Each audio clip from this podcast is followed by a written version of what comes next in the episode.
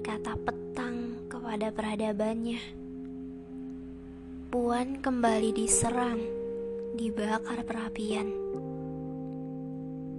Apa masih akan bertahan? Tidak tahu jawabannya.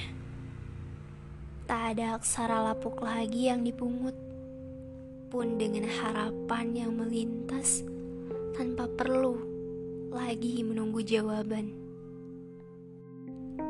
notifikasi. Kembali. Membebaskan egoisasi dari dekapan bui. Kembali melayarkan emosi. Tidak tentu tapi persis demikian. Semua bercampur aduk. Persis. Cinta sebagai bahan bakar manusia dan penat yang juga tidak mau diam menggerutu. Persis menyatu menjadi rasa dengan dilema-dilema yang berdansa di dalamnya. Kemudian datang sekata diri yang kembali menghimpit ruang, menjadikan rasanya mencari pengganti hanya akan jadi rumpang.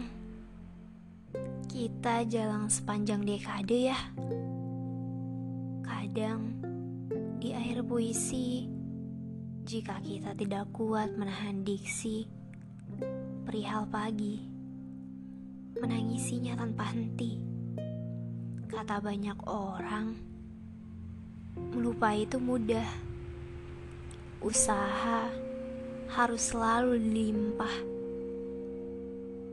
Cuma itu. Tapi lupa itu menyakitkan. Kalau harus lupa, petang selalu tak kuasa menahan sakitnya. Ya, jalannya hanya harus ikhlaskan, lepaskan sebelum obsesi yang mengambil peran.